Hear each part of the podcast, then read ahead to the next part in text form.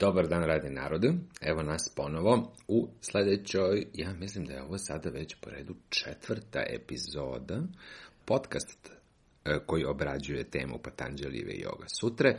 To je jedno savremeno čitanje Made by Me, Mihajlo Kotarac. Hvala što ste ovdje.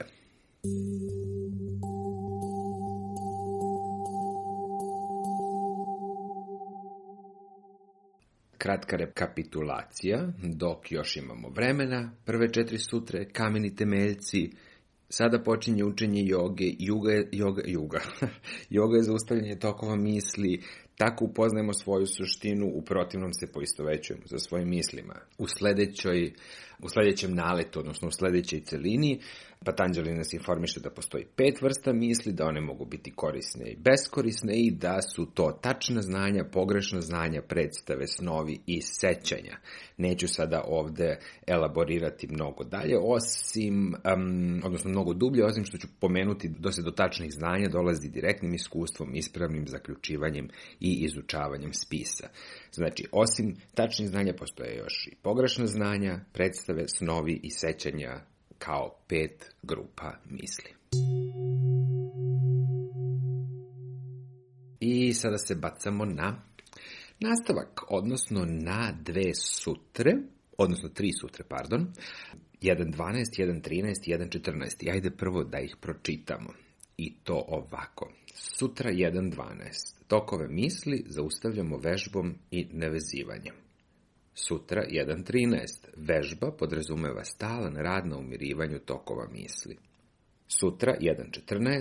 Dugoročno, neprekidno i posvećeno vežbanje daje stabilnost. To su otprilike, ne otprilike, nego to su te tri sutra, 1.12, 1.13, 1.14 koje ćemo obraditi u ovoj epizodi. Ako mene lično pitate, ja bih vam rekao da je sutra 1.12 možda najvažnija, pa ajde ne kažem od svih, ali što se mene bar tiče, najvažnija od svih. A, za mene je najvažnija od svih. Jer u, ovom, e, u, ovoj sutri Patanđeli zapravo nama daje recept, odnosno kažem nam šta bi trebalo da radimo kako bi smjerili smirili tokove misli i kaže nam dve krucijalno važne stvari, odnosno daje nam dve metode, odnosno daje nam dva sastavna elementa procesa smirivanja misli, a to su vežba i nevezivanje.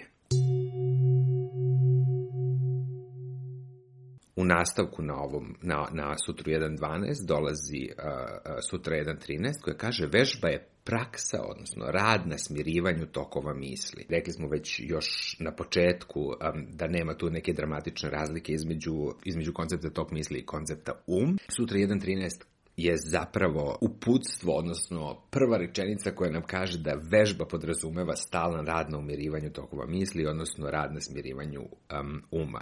Sutra 1.14 on elaborira dalje na temu vežbanja i kaže dugoročno, neprekidno i posveđeno vežbanje daje vežbi stabilnost, odnosno daje stabilnost. Znači, ukoliko vežbamo, odnosno kad počnemo da vežbamo i ukoliko je naša vežba dugoročna, neprekidna i posvećena, onda će ne samo vežba kao takva biti dugoročna, neprekidna, posvećena, nego će biti i stabilna, a osim toga će se ta stabilnost koju dajemo vežbi, kroz dugoročnu e, e, neprekidnu i posveđenu praksu, ta stabilnost će da se izlije i na ostatak našeg ovozemaljskog života.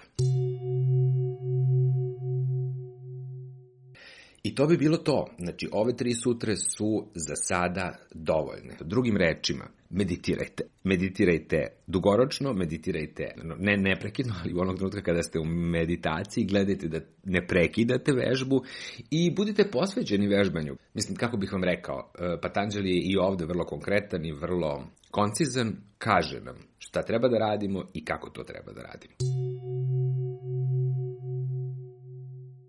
U sljedećoj epizodi bavit ćemo se nevezivanjem. Hvala na pažnji. č.